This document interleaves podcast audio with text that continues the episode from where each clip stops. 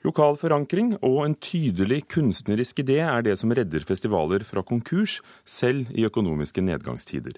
Det sier lederen for det europeiske festivalforbundet, som har holdt på i 60 år. Festivaler som er skapt for reiselivsformål eller bare for å tjene penger, gjør det ikke like greit, mener hun. The conviction that the European Festivals Association is, is having now for 60 years is that those festivals that go for quality, that make strong artistic selections, that are deeply rooted in this place where they are happening, those festivals, they will survive. Sier leder i Europeisk festivalforbund, Catherine de Venter. Festivalene på kontinentet har måttet greie seg med mindre støtte og et fattigere publikum de siste par årene. Likevel har de fleste av de større festivalene overlevd denne økonomiske krisen. De som ikke har overlevd, er festivaler som har blitt skapt uten en kunstnerisk profil, eller for å fremme lokalt næringsliv. Not the ones that came up for some economic or some tourism reasons or for some reasons of marketing exercises. Those arguments will change. Det er vanskelig å være, ikke være enig i dette her, selv om ikke vi har noen statistikk som kan bekrefte eller avkrefte denne påstanden. Men det vi ser er at festivaler som kan tilby publikum noe mer enn bare det som står på scenen, står veldig sterkt. Det sa fungerende leder for Norsk Rockforbund, Lars Tefre Både. Han representerer 75 av de største norske festivalene i alle sjangre. Det har vært lite forskning på suksesskriteriene til festivalene, men en tydelig profil er avgjørende for å lykkes, sier Bård. Min, min, festival skulle være sommer. Eh, sommerfølelsen. En fridag på stranda, rett og slett. Eh, for alle som likte god musikk, som de har hørt på radioen fra før. Rogafest i Stavanger greide seg i fire år før de ble slått konkurs etter fjorårets festival. Vi hørte lederen for festivalen, Henning Årekoll. Dette er Ralph Myers and the Jack Heron Band i Kollevåg på Askøy. Lost Weekend-festivalen forsvant i 2010 etter ti turbulente år. Inghild Stien Thorvaldsen ved Universitetet i Stavanger er en av de få som har sett på hvorfor noen festivaler feiler.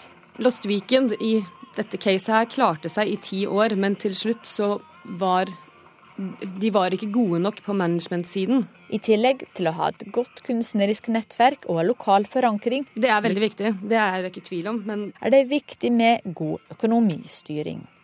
Mange av de norske festivalene som har forsvunnet de siste årene, var for opptatt av fest og moro. Du må ha noen som kan ta seg av de finansielle aspektene, for det har vi jo sett både på Kvarten, Hove, Lost Viken. Alle disse festivalene her har slitt veldig med eh, økonomien, fordi at det er for stor fokus på fest og fanteri sa Inghild Stien Thorvaldsen, som altså har forsket på hvorfor noen festivaler går konkurs, til vår reporter Sofia Perskiewicz. Professor ved Universitetet i Stavanger, Reidar Mykletun. Vi hørte Det europeiske festivalforbundet si at festivaler som har en klar kunstnerisk idé eller er lokalt forankret, de gjør det mye bedre enn de som er ute etter å tjene penger. Er det noe i det? Ja, det er nok det, men hun gjør det jo litt enkelt. da. Det er klart det er viktig med visjon. Du kommer, I det lange løp så kan man ikke holde på uten visjon, og man kan heller ikke greie seg uten forankring. Men uh, som Inghild sier etterpå, at uh, det som egentlig bærer utforbakke med, med festivalene, det er jo et uh, spørsmål om verdistyringen. Og det å ha kontroll på utgiftene, det å passe på at man ikke har utgifter utenom budsjettet sitt, og at budsjettet er realistisk. At det er en verdisikring, verdier som penger, billetter, alkohol og andre ting som kan, kan omsettes. Eh, det er nok slike ting som på en måte er de, de primære eh, ledelsesspørsmålene i det daglige driften av festivalen. Eh, det er òg sånn at festivalene varierer jo veldig i sponsorinntekter og i billettinntekter. Det med kunstnerisk visjon Kunstnerfestivaler i Norge de har jo høy statsstøtte og høy fylkeskommunal støtte og høy lokal kommunal støtte. Og vi har funnet festivaler som har oppe i 70-80% sponsorinntekter av den typen, altså offentlig sponsing. Og så finner vi da andre festivaler som er oppe i 80 80 med privatsponsing. Uh, det er også festivaler som går sånn basically på billettinntekter. Så her er det alle mulige typer, uh, typer um, tilpasninger. Og det som er viktig da for festivalen, det er jo hele tida altså budsjettere realistisk på dette her, og så styre disse ressursene. Er det noe særegent ved det norske festivallandskapet? Styres norske festivaler annerledes enn dem ute i Europa? Nei, utfordringene er jo de samme. Dette er jo fest og moro. Og det er egentlig konsentrerte kulturelle opplevelser det legges til rette for. Og det er det samme enten man, har, man, gjør dette i Norge eller man gjør det ute i Europa. Men vi har nok mer penger her, og, og det gir mer slakk. Men eh, også gir det mye større utgifter, og det vet jo for så vidt band som spiller i Norge. De vet de kan be om mer penger her. Så det blir dyrere for oss å operere en del av festivalene. Men, men det er jo noe av kritikken mot f.eks. knutepunktfestivalene, som får i høy grad av offentlig støtte, er jo nettopp det at de har råd til å betale mer enn andre, og derfor driver prisene opp. Er det noe i det? At, at nettopp all, all støtten uh, gjør det dyrere enn det behøvde å være? Er en, vi er nok i en merkelig overgangssituasjon, fordi de fleste orkestre og band de vil jo bli mer og mer avhengig av å møte publikum direkte, ettersom det selges mindre CD-er, og de tjener mindre penger på innspilt musikk. Så på, en, på, sikt så vil nok eh, denne situasjonen måtte forandre seg. Altså det må bli mer kjøpers marked på dette her. Så jeg tror nok at, eh, at det vi ser akkurat nå, det skal vi ikke legge så mye brett på. Eh, at prisene går opp, og at noen driver prisene i været, det er riktig. De som har mest penger, de betaler mest. Og, og slik vil det alltid være, for det er jo en markedsplass til syvende og sist. Men denne markedsplassen er altså i forandring. Det var en stor festivaloppblomstring eh, i Norge for noen år siden. Hvordan ser det ut i dag? Det er et interessant fenomen. Vi har prøvd å anvende en slags festivaløkologisk teori og prøve å se på populasjonen av festivaler over tid. Eh, vi har brukt eh, Finnmark og Møre og Romsdal og Rogaland som eksempel på dette her. Og det vi ser der, det er at um, det har vært en oppblomstring, som du sier, på 90-tallet og fram omkring 2000. Men det går ikke jevnt, det går i rykk og napp. Og så er det slik at etter en eh, rask etablering med flere festivaler samme år, så blir det sånne hvileskjær da på en to-tre år, fire år kanskje, før det kommer en ny oppblomstring. Og vi tror de hvileskjærene de skyldes at eh, lokalsamfunnet må puste ut. Man har ikke ressurser nok til å, å etablere mer om gangen. Og det er både ressurser i form av sponsorer, og det er artister, og det er publikum, og det er frivillige. Så det, skal vi si, altså denne vekslinga mellom oppblomstring og hvileskjær syns å være det, det, naturlige. Men eh, den lange linjen i dette her, det er en økning fra la oss si fra fem år til fem år periode, så øker vi altså da i antall festivaler fremdeles. Takk skal du ha, professor ved Universitetet i Stavanger, Reidar Mykletun. Norges eldste boplass med festning er funnet på Avaldsnes på Karmøy. Det slår nå professor i arkeologi Dagfinn Skred fast. Boplassen med borgen ligger ved Nordvegen historiesenter og er fra 400-tallet etter vår tidsregning. Vi graver jo på denne boplassen, da, ikke sant? og den går tilbake til sånn, ja, rett etter Kristi fødsel. Professor i arkeologi Dagfinn Skred viser entusiastisk frem boplassen på en høyde på Avaldsnes. I hele sommer har arkeologer gjort flere interessante funn, men det er først nå de konkluderer med at den eldste befesta boplassen i Norge er funnet nettopp på Avaldsnes på Karmøy. Ganske tidlig i sommer så fant vi noe som vi ikke skjønte. Langs kanten av uh, tunområdet, på toppen av skråningen ned mot Nordvegen historiesenter, som ligger nedenfor her, så lå det en masse stein. Veldig flott lagt opp. Helt tydelig et eller annet som bevisst konstruert. Og Vi har gått og sett på dette her og klødd oss i hodet og ikke skjønt hva det var. Men nå mener vi at vi vet hva det er. Og hva er det? Det er en befestning. Sånne ting som det der, der sånne steinlegninger, det finnes bare fra denne perioden, som er 400-500-tallet. Finnes bare eh, på bygdeborger rundt omkring. Men bygdeborger de, er, de ligger eh, på topp kropper og knauser og sånn ute i utmarka stort sett. Det er tilfluktsborger eh, uten bygninger eller bare noe skjul eller et eller annet. Men her har vi altså en boplass som er befesta. Og det har vi ikke i Norge før. Her har man bodd, og så har man bygd en befestning omkring. Så Vil det si at dette er den eh, første dere har funnet i Norge? Ja, det er det. Og jeg har eh, bladd i litteraturen og undersøkt, og det finnes en del akkurat fra denne perioden i Sverige omkring Mælaren og i Østergøtland, og også i Bohuslän finnes det noen. Og så er det nedover på kontinentet.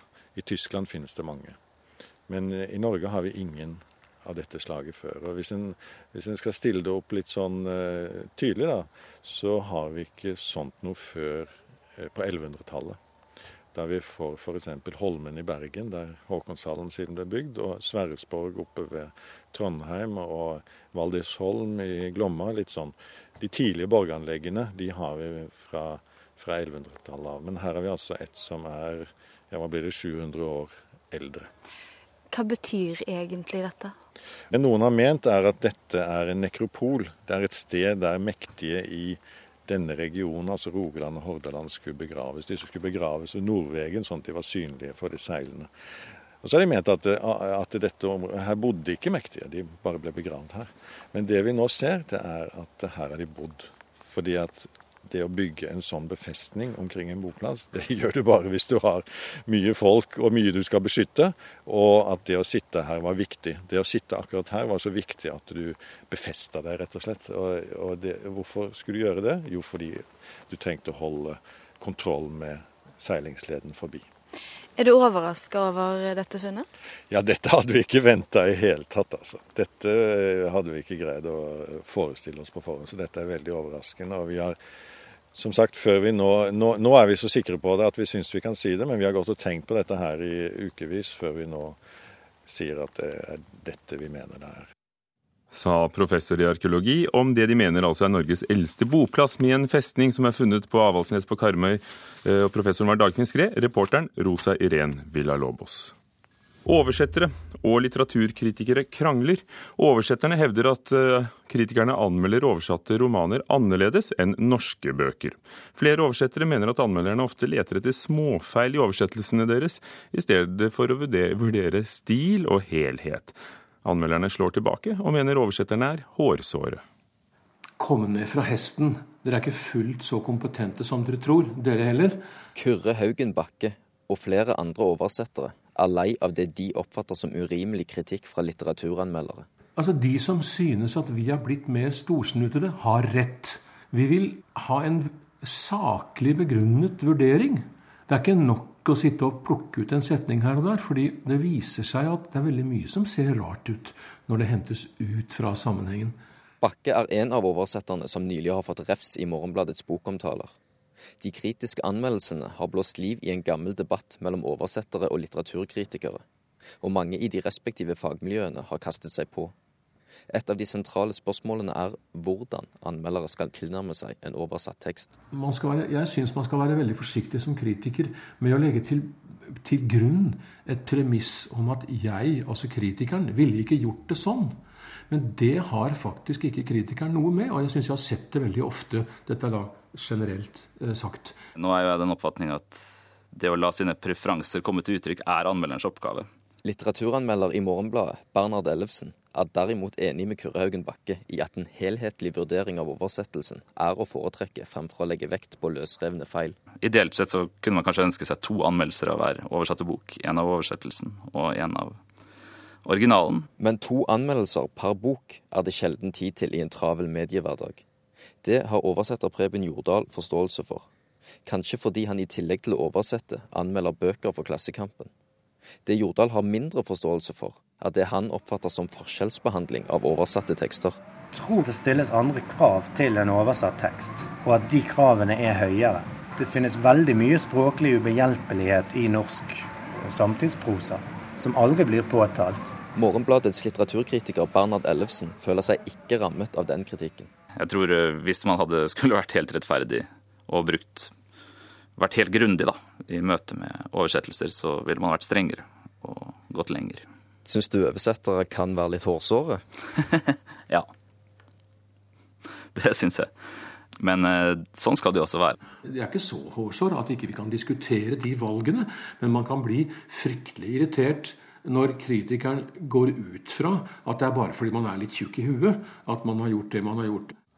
Sa oversetter Kyrre Haugen Bakke, reporter Dario Kverme Birhane.